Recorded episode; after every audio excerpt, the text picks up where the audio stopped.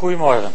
Ik wil vandaag met jullie een paar stukjes lezen uit Openbaring en hoofdstuk 2 en hoofdstuk 3. Dus als jullie dat even bij de hand nemen voor degene die gewapend hier ten strijde is gekomen.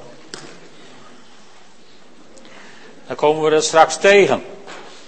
Wij hebben het uh, twee weken geleden gehad over ons maandthema een goed begin.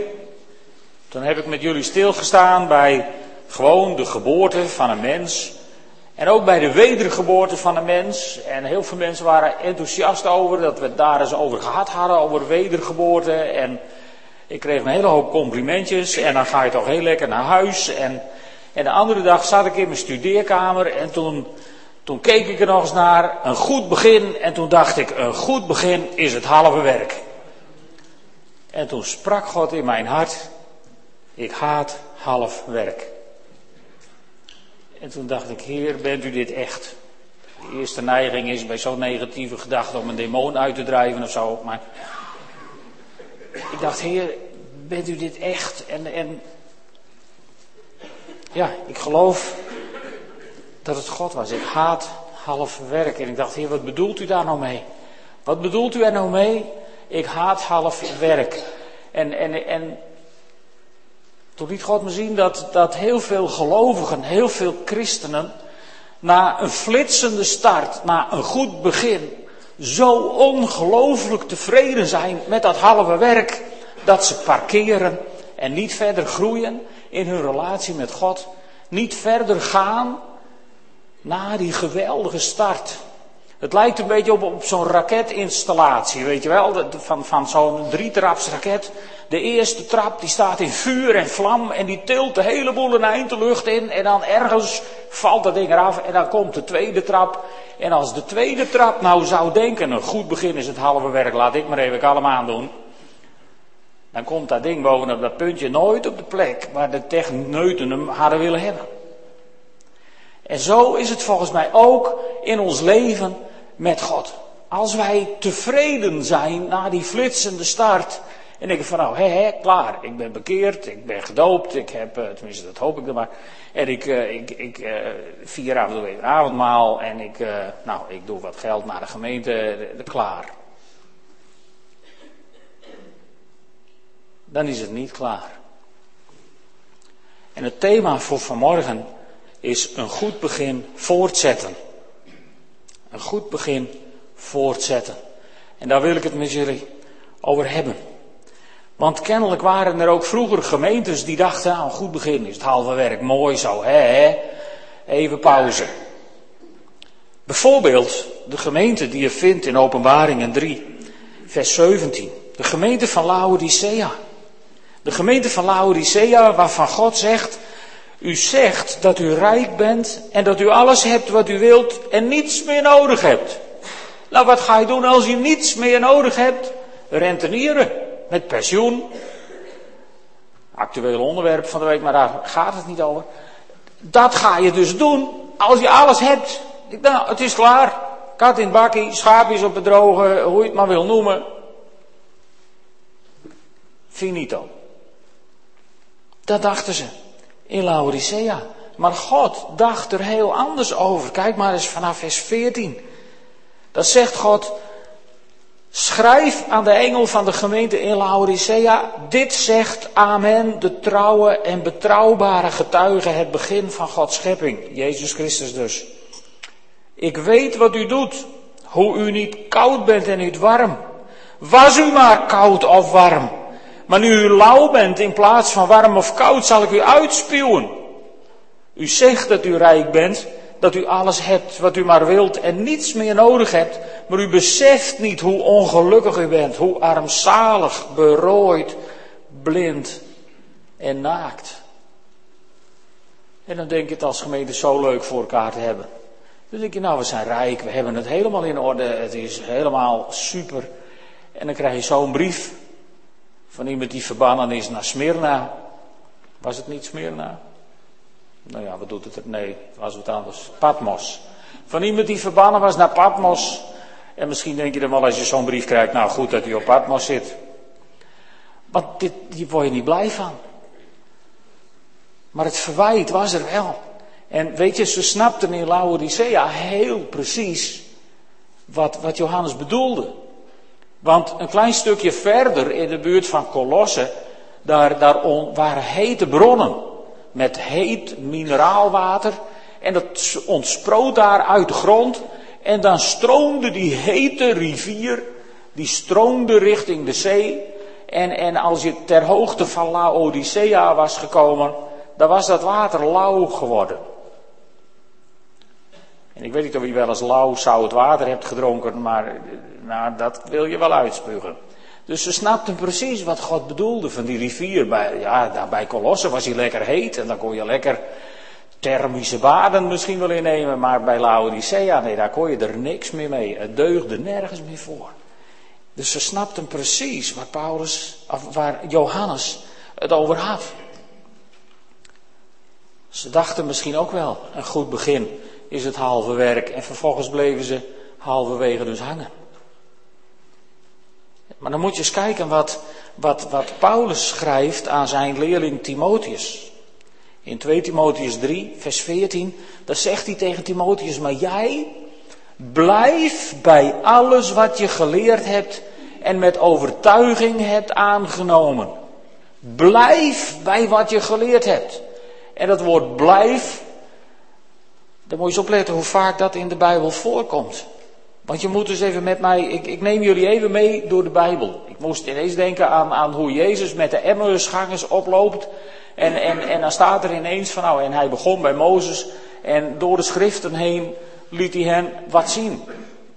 Nou, dat ga ik vandaag met jullie ook doen. Ik begin ook bij Mozes. In Deuteronomium 13, vers 4 aan het eind van de woestijntijd, voordat ze zeg maar op de, op de grens staan om het beloofde land binnen te gaan, dan zegt Mozes tegen het volk, blijf de Heere uw God volgen en heb alleen voor hem ontzag. Het lijkt bijna op de woorden die Jezus gebruikte aan het eind van de verzoeking in de woestijn. Maar, maar dat zegt hij hier. Leef zijn geboden naar en luister naar hem. Dien alleen hem en blijf hem toegedaan. Ik zou zeggen dat volk had met, met Mozes alles van God gezien. In de woestijn. Grote wonderen, grote tekenen. En binnen een hele korte tijd zouden ze nog veel meer grote dingen zien. Wanneer het beloofde land aan hen werd gegeven. Als de muren van Jericho zouden vallen. De Jordaan die zou nog droog vallen. Zodat zij droog doorheen konden. En dan denk je van als je dat allemaal hebt gezien. Dan dwaal je never nooit meer af van God. Dan is het klaar. Maar Mozes zegt, nee, blijf de Heere, uw God, volgen. En jaren later hebben we koning Salomo. Heeft een geweldig rijk gevormd en het is allemaal vrede en het is allemaal rijkdom en allemaal weelde. En dan hebben ze een prachtige tempel gebouwd en, en bij de inleiding van die tempel vult God de tempel helemaal, zodat de priesters niet meer op hun voeten kunnen staan, niet meer naar binnen kunnen om hun dingen te doen. En, en je zou zeggen, wauw, een charismatisch wonder van de bovenste plank. Hoef je nooit weer over in te zitten over de mensen die dat hebben gezien. En dan zegt Salomo, blijf volkomen toegewijd aan de Heere onze God. Door zijn voorschriften te volgen en u aan zijn geboden te houden, zoals u dat nu ook doet. Je zou zeggen, overbodige opmerking aan mensen die dat hebben meegemaakt. Maar Salomo zegt het wel. En, en jaren later wandelt Jezus over deze aarde. En die doet wonderen en tekenen. En er staan zelfs doden op. En, en je denkt, nou, de generatie die dat heeft gezien. Klaar. Hoef je nooit meer over in te zitten. Die hoef je niet aan te moedigen. En dan zegt Jezus bijvoorbeeld in, in, in Johannes 15, vers 4: Blijf in mij. Dan blijf ik in jullie. Een rank die niet aan de wijnstok blijft, kan uit zichzelf geen vrucht dragen. Zo kunnen jullie geen vrucht dragen als jullie niet in mij blijven. Waarom zei hij dat? Kennelijk zag Jezus voor zich in de toekomst allemaal zelfstandige ranken met hun eigen denominaties en clubjes. En eh, van nou, wij redden het wel hoor. Wij hebben een goede liturgie, we hebben een stevige geloofsbeleidenis en wij staan stevig in het woord van God. Verankerd, wij redden het wel. Maar je zegt, eh, eh, blijf in mij. Blijf in mij. Blijf niet in je denominatie. Blijf niet in, in, in alleen maar het woord. Blijf niet alleen maar in structuren. Nee, blijf in mij, zegt Jezus. In mij. Kom ik straks op terug. Paulus, weer een tijdje later, die schrijft onder andere aan de gemeente in Colosse. Colossensen 2, vers 7. Dan zegt hij tegen de mensen: Blijf in hem geworteld en gegrondvest. Houd vast aan het geloof dat u geleerd is en wees vervuld van dankbaarheid. En de apostel Johannes in zijn eerste brief, in Johannes 4, vers 16, dan zegt hij, schrijft hij aan de mensen, wij hebben Gods liefde die in ons is leren kennen en vertrouwen daarop. Wauw, als je toch Gods liefde één keer hebt leren kennen en je vertrouwt daarop, dan, dan hoef je toch nooit weer ergens over in te zitten. Dan is het toch voor altijd klaar, zou je zeggen. Maar kennelijk is dat niet zo. Wij hebben Gods liefde die in ons is leren kennen en vertrouwen erop. God is liefde. En dan zegt hij, en wie in die liefde blijft, blijft in God en God blijft in hem. Heb je weer dat woord blijft. En dan nog één. De apostel Judas in zijn korte brief, vers 21. Dan zegt hij, houd je vast aan Gods liefde en zie uit naar de barmhartigheid van onze Heer Jezus Christus, die u het eeuwige leven zal schenken. En toen ik ze allemaal zo op een rijtje had gevonden, toen dacht ik, dat zijn er wel heel veel aanmoedigingen om in God te blijven. Misschien wel een beetje overdreven zelfs. En dacht, waarom staan er nou zoveel van dit soort aanmoedigingen in het woord van God? Nou, omdat het kennelijk niet vanzelfsprekend is en omdat het kennelijk ook niet vanzelf gaat om in die liefde van God te blijven. Ik neem jullie weer mee naar openbaringen. Er staat een voorbeeld, hoofdstuk 2. Een brief aan de gemeente van Efeze. En de gemeente van Efeze was een bijzondere gemeente. Even een geschiedenis. De gemeente van Efeze was gesticht door niemand minder dan de apostel Paulus hemzelf in hoogst eigen persoon. De schrijver van het, het grootste stuk van het Nieuwe Testament. En die apostel Paulus, die was niet gewoon even langs geweest voor twee opwekkingssamenkomsten en hem toen gepeerd. Nee, de apostel Paulus, die was notabene twee jaar lang in hoogst eigen persoon live in Efeze aanwezig geweest. En ik dacht, wauw, zo'n start als gemeente, dat gaat nooit meer over. En een paar jaar later schrijft Johannes in opdracht van God aan hen in Openbaringen 2 vers 4. Maar dit heb ik tegen u. U hebt de liefde van weleer opgegeven. Dat zijn harde woorden. In de NBG-vertaling staat, ik heb tegen u dat gij de eerste liefde verzaakt hebt. als je dan in het Grieks kijkt, dan staat daar een moeilijk Grieks woord. En dat betekent zoiets als wegzenden of laten gaan. Dus dat lijkt dan heel actief afscheid nemen van die eerste liefde. En dan gaan wij denken, hé, hé, gelukkig, dat gaat niet over mij, want ja, ik heb niet afscheid genomen van Jezus, ik heb dat niet weggedaan of zo. Maar dan ga je verder kijken wat het woord betekent. En dan betekent het ook, ja, zijn gang laten gaan. Het betekent ook, ja, eigenlijk, eigenlijk heel vrij vertaald, het gewoon, ja, het door je vingers laten glippen. Het betekent misschien ook wel denken van nou, een goed begin is het halve werk, doe nu maar een tandje lager. Dat zit ook in dat, in dat Griekse woord. En dan wordt het ineens heel anders, want toen kwam het ineens heel dicht bij mij. Op fases in je leven waarin je die eerste liefde, die eerste liefde van Christus, inderdaad denkt van, ach nou ja, het hoeft ook niet alle dagen zo, zo overdreven. Doe maar gewoon, dan doe je al gek genoeg niet, zeggen wij dan. En, en dan, ja, ik hoop dat een beetje snappen waar, waar ik heen wil. Je laat het door de vingers glippen. En je denkt bij jezelf, ach, nou ja, morgen beter. Of misschien komt er wel eens weer iemand die een goede preek houdt, die me weer even een beetje in vuur en vlam zet en dan pak ik het wel weer op, joh. Denken we zo niet heel vaak? Met z'n allen. En het kan je zomaar gebeuren. Want die gemeente in Efeze, dat was best wel een stevige gemeente hoor. Dat was best wel een gemeente waar ze de boel goed voor elkaar hadden. Maar kijk maar in Openbaringen 2 nog een keer. Vanaf vers 2, daar begint God met geweldig compliment. Hij zegt tegen die Efeziërs, ik weet wat u doet. Ik weet hoe u zich inzet en stand houdt en dat u boosdoeners niet verdraagt. Komt u met een voorbeeldje. Zo hebt u mensen die beweren dat ze apostelen zijn op de proef gesteld en als leugenaars ontmaskerd. U bent standvastig en hebt veel verdragen omwille van mijn naam zonder te verslappen. Nou, dat was een mooie gemeente, daar zou je direct lid van worden.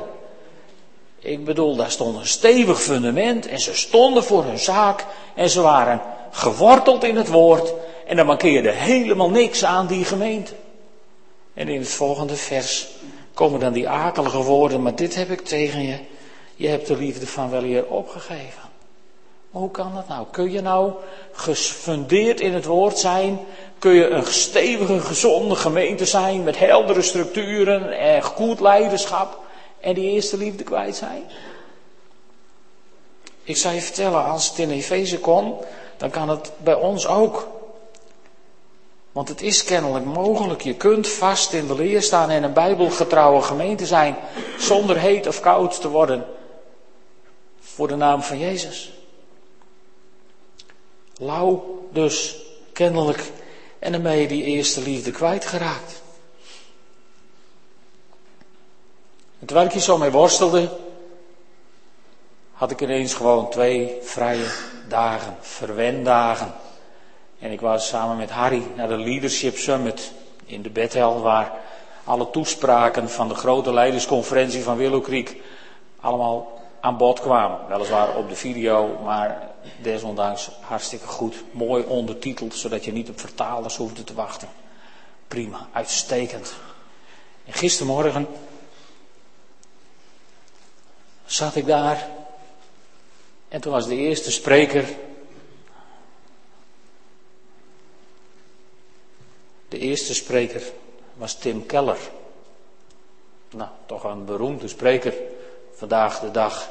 Een man met veel gezag, altijd in CV-koers zijn preken schrijft en vaak in het Fries Dagblad kom je tegenwoordig de naam tegen. Hij is populair bij evangelisch en gereformeerd, dus in een brede kringen. Een man met een hele grote gemeente in New York. En, uh, en die ging ineens spreken over lauwheid in de gemeente. Het voelde een beetje alsof ik tegen een muur aanliep. Toen vertelde hij dat deze beroemde man in die beroemde gemeente aanloopt tegen lauwheid in de gemeente. En lieve vrienden, als hij er last van heeft, hebben wij er ook last van. En hadden ze er in Efeze ook last van. Dus laten we ons, ons niet, niet groot maken.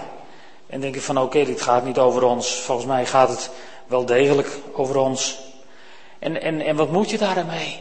Nou weet je, op een gegeven moment begint God tips te geven aan die gemeente in Efeze. Hij zegt tegen die gemeente in Efeze, bedenk toch eens van welke hoogte je bent gevallen. Met andere woorden, ga in je gedachten, ga in je gedachten, nou eens heel even terug naar dat eerste moment waarop je, waarop je tot bekering kwam, zeg maar. Dat, dat eerste moment waarop ineens je ziel ging begrijpen wat Jezus Christus voor jou had gedaan. Dat moment waarop je door de knieën ging en dacht, ja, met, met deze Jezus wil ik verder.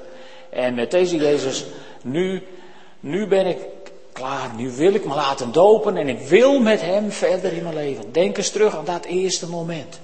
Die eerste liefde.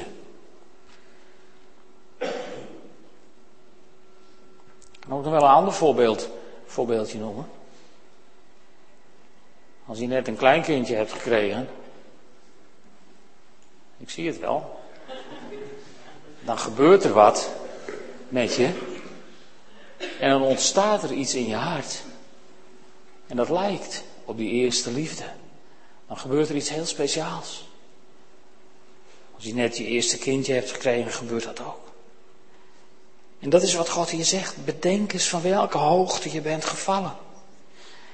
En hij zegt niet alleen dat we dat moeten bedenken, maar hij zegt ook tegen die gemeente in vers 5 van, van we moeten breken met ons oude leven en we moeten terug naar die eerste liefde. Terug naar die eerste liefde. een prachtige, een prachtige evangelische kreet. Maar wat betekent dat dan? Wat betekent dat nou? Terug naar die eerste liefde. Nou, als je het over liefde wilt hebben, dan ga je in de Bijbel naar hooglied. Lijkt mij. Tenminste, dat heb ik maar gedaan. Hooglied. Hooglied 5. Wil ik een klein stukje met jullie overlezen. Hooglied 5, de versen 5 tot 10. Wat is hier de situatie? Het gaat hier over de liefde tussen hem en haar. Ze zijn elkaar uit het zicht kwijtgeraakt. En dan staat hij bij haar voor de deur, s'avonds laat. Hij rammelt aan de deur en zij doet eerst wat moeilijk, net een kerk. En, en, en, en uiteindelijk geeft ze zich toch over. Zo van, nou ja, oké, dan kom ik de deur voor je open doen. En let op, let op. Toen sprong ik op en ik ging hem open doen. Mijn handen dropen van mirre, mirre vloeide van mijn vingers op de grendel van de deur. En ik deed open voor mijn lief. Maar hij was weg. Mijn lief was weggegaan. En toen dacht ik, nou ja, het zij zo, misschien komt hij morgen wel weer. En toen ging ze naar bed. En ze nog lang en gelukkig. Nee, dat staat er niet. Dat staat er niet. Het gaat heel anders. Zo zouden wij dat misschien doen. Hè? Denken, nou goed begin is het oude werk, klaar, morgen beter. Zij niet. Zij niet. Ze staat, hij, hij, hij was weggegaan. Een duizeling beving mij. Toen ik zag dat hij er niet meer was. En ze werd er onwel van bij het idee dat hij er niet meer was. En, en dan gaat het nog verder. Ik zocht hem, maar ik vond hem niet. Ik riep hem, maar hij antwoordde niet. En dan gaat ze op zoek door de stad. En dan staat er, de wachters vonden mij op hun ronde door de stad. Ze sloegen mij, ze verwonden mij, ze rukten mij de sluier af, de wachters van de muren. Want ja, ze vonden mij een fundamentalist die het allemaal veel te, te, te heftig en te letterlijk nam. En, en, nee, dat, dat ging niet goed. En dan zegt zij, ik bezweer je meisjes van Jeruzalem, als jullie mij lief vinden, wat ga je dan tegen hem zeggen? Dat ik ziek van de liefde ben. Ben jij wel eens ziek van de liefde? Ben jij wel eens ziek bij het idee dat je, je relatie met Jezus Christus niet meer is wat die vroeger was toen je misschien in vuur en vlam stond voor hem? Maakt het jou wel eens ziek? Want dat moesten ze zeggen, dat ik ziek van de liefde ben. En dan, dan, snapt, dan snapt je omgeving dat niet. En haar omgeving snapt het ook niet.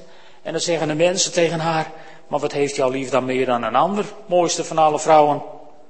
Je hebt het toch allemaal goed voor elkaar. Mooiste van alle vrouwen. Bijbelgetrouw, goede structuur, prima leiden. Dit is allemaal dik in orde. Mooie liederen, goede band. Wat wil je nou nog meer? Ja, wat is het? Nee, wat heeft jouw lief meer dan een ander? Dat je ons zo bezweert. En dan begint zij. En daarvan lees ik alleen de eerste regel, maar anders worden we te lyrisch. Vers 10, mijn lief glanst en schittert. Hij steekt boven duizenden uit. En voor de rest moet je even teruggaan naar de liederen die je misschien onbewust vanmorgen hebt gezongen. Maar daar zaten teksten tussen over de grootheid en de geweldigheid en de schoonheid van de Heer Jezus. Maar is dat het eerste wat in jouw hart komt als mensen tegen jou zeggen? Wat heeft die Jezus van jou nou meer dan die Allah van mij? Wat ga je dan zeggen? Wat spat er dan uit je hart omhoog? Spatten er dan dit soort woorden omhoog uit je hart? Dan heb je die eerste liefde nog. Maar als je die eerste liefde bent kwijtgeraakt, lieve mensen, dan dat is geen verwijt. Als je die eerste liefde bent kwijtgeraakt, dan moet je gewoon opnieuw op zoek, opnieuw op zoek naar die ultieme ontmoeting met onze Messias, met onze redder, met Hij die zijn leven gaf aan het kruis en die daar met wijd opengespreide armen hing. Op jou te wachten. Die door God verlaten werd. Tim Keller verbond dat gisteren zo mooi met Psalm 23. Hij zei, Jezus hing aan het kruis. En in Psalm 23, er staat, hij voerde mij aan rustige wateren. Maar Jezus werd niet aan rustige wateren gevoerd. Jezus hing aan het kruis en hij riep, ik heb dorst. En in Psalm 23 zegt, hij voerde mij naar grazige weiden, waar ik lekker kon gaan liggen in het gras. Jezus kon niet gaan liggen in het gras, hij moest zijn kruis dragen. En hij werd er aangespijkerd en er aangehangen. En hij zegt, zelfs als het moeilijk wordt in jou en mijn leven, dan staat er zelfs, dan ga ik door een dal van diepe duisternis, uw stok en uw staf vertroosten mij. En in het donkerste dal van Jezus' leven, toen bleef hem niks anders over dan uitroepen, mijn God, mijn God, waarom hebt u mij verlaten? En dat deed hij voor jou en voor mij. Opdat jij en ik nooit zullen hoeven zeggen, mijn God, mijn God, waarom hebt u mij verlaten?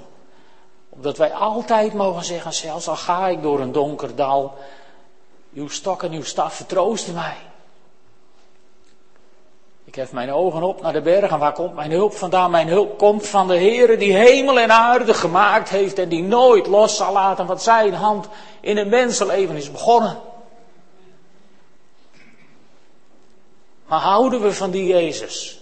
Of vinden we het gewoon? Zijn we het normaal gaan vinden? Of staan we voor Hem in vuur en vlam?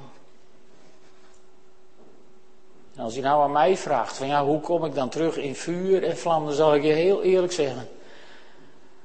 Dat weet ik niet. Ik heb geen recept voor je. Het enige recept wat ik heb kunnen bedenken, dat is gewoon mijn knieën buigen voor Jezus. En zeggen, Heere God, ik wil terug naar die eerste liefde. Kom alstublieft met uw Heilige Geest. Vul mij opnieuw. Doorstroom mijn hart opnieuw. Maak mij bewust van de betekenis van het kruis. Maak me bewust van het feit dat er kracht is in het bloed van het lam. Maak mij opnieuw bewust, Heere God. Want wat ik ben kwijtgeraakt, zult u moeten herstellen in mijn leven. Want ik kan het niet. Ik kan het niet. Ik kan het niet. Maar de uitnodiging van God ligt er heel duidelijk. De uitnodiging van God ligt er heel duidelijk. Maar het hangt af van onze hartsgesteldheid. En tenslotte wil ik met jullie naar Lucas 15. Ik, ik leen gewoon vandaag wat dingen van Tim Keller. In Lucas 15, ik ga het niet helemaal lezen. Maar daar gaat het over het verhaal van de verloren zoon. En Tim Keller zei gisteren van wie is eigenlijk de verloren zoon? Nou ja, in onze ogen was dat altijd de jongste, hè? dat was de verloren zoon. En toen liet hij zien, nee, zei de oudste zoon is de verloren zoon. Want aan het eind van het verhaal weigert de oudste zoon binnen te gaan in de feestzaal van zijn Heer. En weet je wat dat betekent in, in Nieuw-testamentische termen? Als je niet binnengaat in de feestzaal van je Heer, dan ga je naar een andere zaal en daar is het geen feest. Dan ben je verloren. En die oudste zoon was net de gemeente van Efeze. Dat was net de gemeente van Laodicea. Ze hadden het prima voor elkaar en ze waren er heel trots op. En die oudste zoon die had het ook dik voor elkaar. Ik bedoel, hij, hij had de hele, twee derde van de erfenis had hij gekregen als oudste zoon. Een dubbel deel. Alleen hij had het niet in de gaten, want hij zei later tegen zijn vader, u hebt mij nooit wat gegeven. En die vader moet denken, heb je die eerste versen dan niet gelezen? Want daar staat toch duidelijk dat ik mijn bezit verdeelde onder mijn kinderen. Nee, dat was niet bij hem doorgedrongen. En dan klaagt hij bij zijn vader. Maar je moet dus opletten wat hij tegen zijn vader zegt. Moet eens even opletten wat hij tegen zijn vader zegt. Vers 25. De oudste zoon was op het veld. En toen hij naar huis ging en al dichtbij was, hoorde hij muziek en gedans. Hij riep een van de knechten bij zich en vroeg wat dat te betekenen had.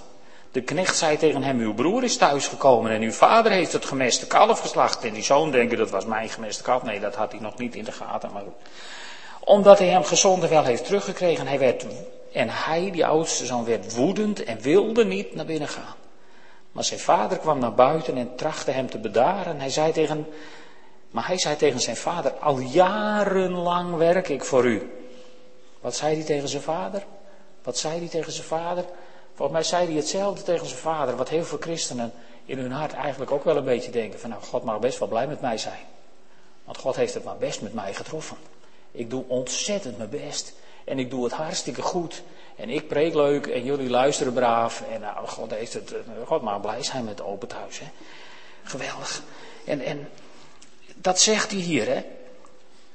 Nog een keer kijken. Al jarenlang werk ik voor u. Het wordt nog erger. En nooit ben ik u ongehoorzaam geweest. Nooit. Wat zegt hij hier? Ik heb nooit gezondigd. Wat zegt hij ten diepste? Als hij even naar de wortel gaat, ten diepste zegt hij hier. Ik heb uw verzoening eigenlijk helemaal niet nodig. Ja, ja, het kruis, ja, dat is wel leuk, maar het had voor mij niet gehoeven, joh. Hè? Ik heb nog nooit wat verkeerd gedaan. Ik heb nooit. U hebt het zo goed met mij getroffen. U zou eigenlijk veel beter voor mij moeten zorgen. Eigenlijk heb ik rechten.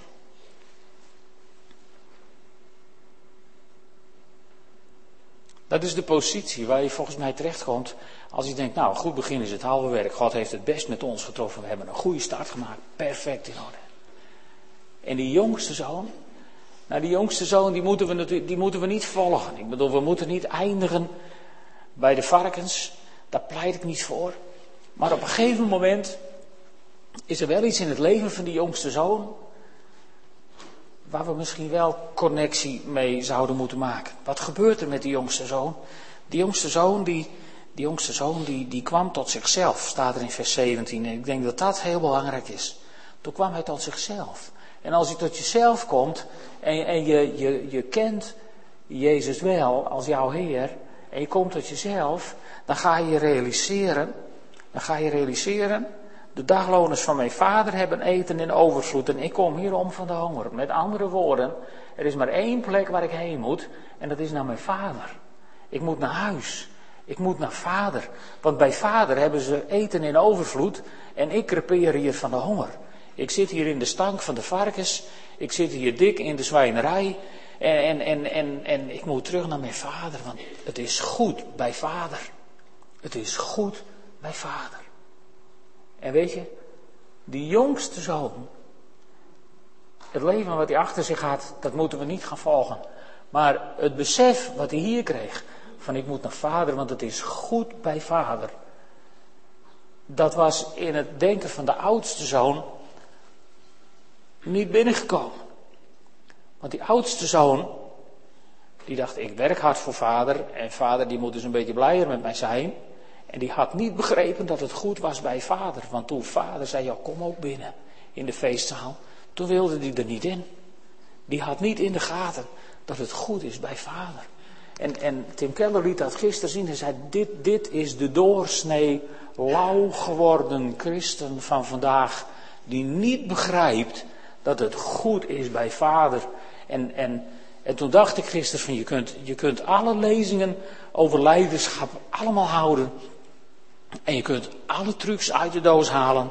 En je kunt het, je kunt het modernste van het modernste aan multimedia voorzieningen kun je erbij sleuren. En je kunt de mooiste dienst hebben van de wereld. Met de beste band op aarde. Als je dit niet gaat snappen. Dan kun je veel beter de boel hier verkopen aan een projectontwikkelaar en draai de deur maar op slot. Als we dit niet gaan begrijpen. Het is goed bij vader. Het is zo goed bij vader. Daar wil ik heen terug. Daar wil ik naartoe. Daar wil ik morgens mijn dag beginnen. Bij vader. En weet je, je zou aan de hand van, van zo'n preek over lauwheid, je zou het kunnen hebben over financiën in de gemeente. Je zou het kunnen hebben over al die onvervulde vacatures in een gemeente. Je zou het kunnen hebben over, nou, zoveel dingen die misschien niet zo goed zijn of beter kunnen. Maar daar gaat het helemaal niet om. Ik weet niet of jullie nog herinneren, een tijd geleden, dat we uitkwamen bij een tekst waar Jezus zei, zoek eerst het koninkrijk van God. En al dat andere zal je ook gegeven worden. En hoe zoek je nou het koninkrijk van God, heb ik me sinds die tijd heel vaak afgevraagd. Het koninkrijk van God is een geestelijk koninkrijk. En dat koninkrijk, dat moet je geestelijk zoeken, want het is alleen geestelijk te vinden. En ik denk dat, dat deze week daar een tipje van de sluier van is opgelicht voor mij. Het koninkrijk van God, dat ga je vinden. Als je in je denken, je gaat realiseren, het is goed bij vader. Het is goed bij vader. Het is grappig, toen we er op de kring over spraken, dat, dat, dat de ideeën waren, hoe zoek je nou het koninkrijk van God? Dat eerste ideeën die een mens dan krijgt is van nou, misschien moet ik wat langer bidden, misschien moet ik wat meer Bijbel lezen, misschien moet ik, moet ik, moet ik. Nee, je moet niks.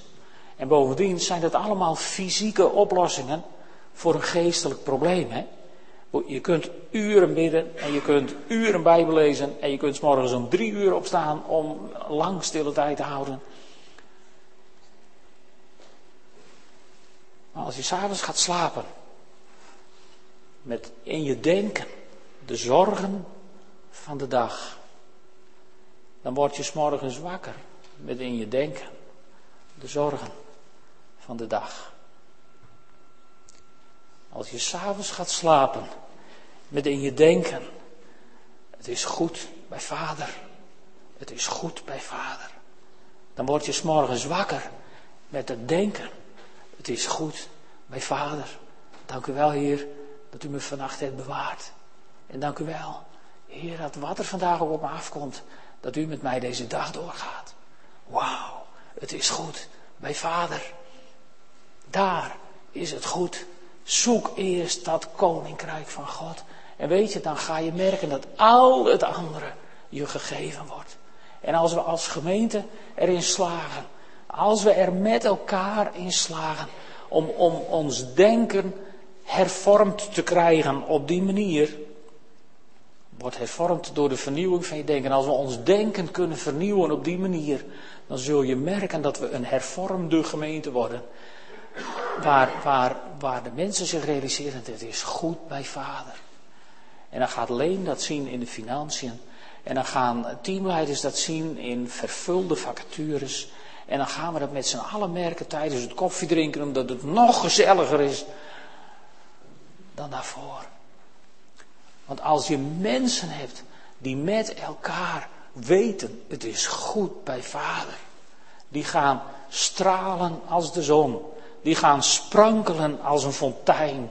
Die gaan, die gaan, die gaan het leven door, nagekeken door alles en iedereen. En, en, en, en, en misschien wel, misschien wel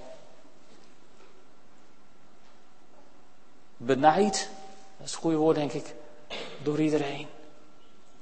Want dan gaan mensen naar je kijken en denken, wauw, wauw. Dat is waarnaar ik al zo lang op zoek ben. Dat is waar ik al zo lang naar op zoek ben. Lieve broeder, lieve zuster. Ik beweer niet dat ik het al gevonden heb, maar ik jaag ernaar om met Paulus te spreken. Eén ding heb ik ontdekt. Vandaag, tijdens de preek. Het is goed bij Vader. En daar moeten we heen.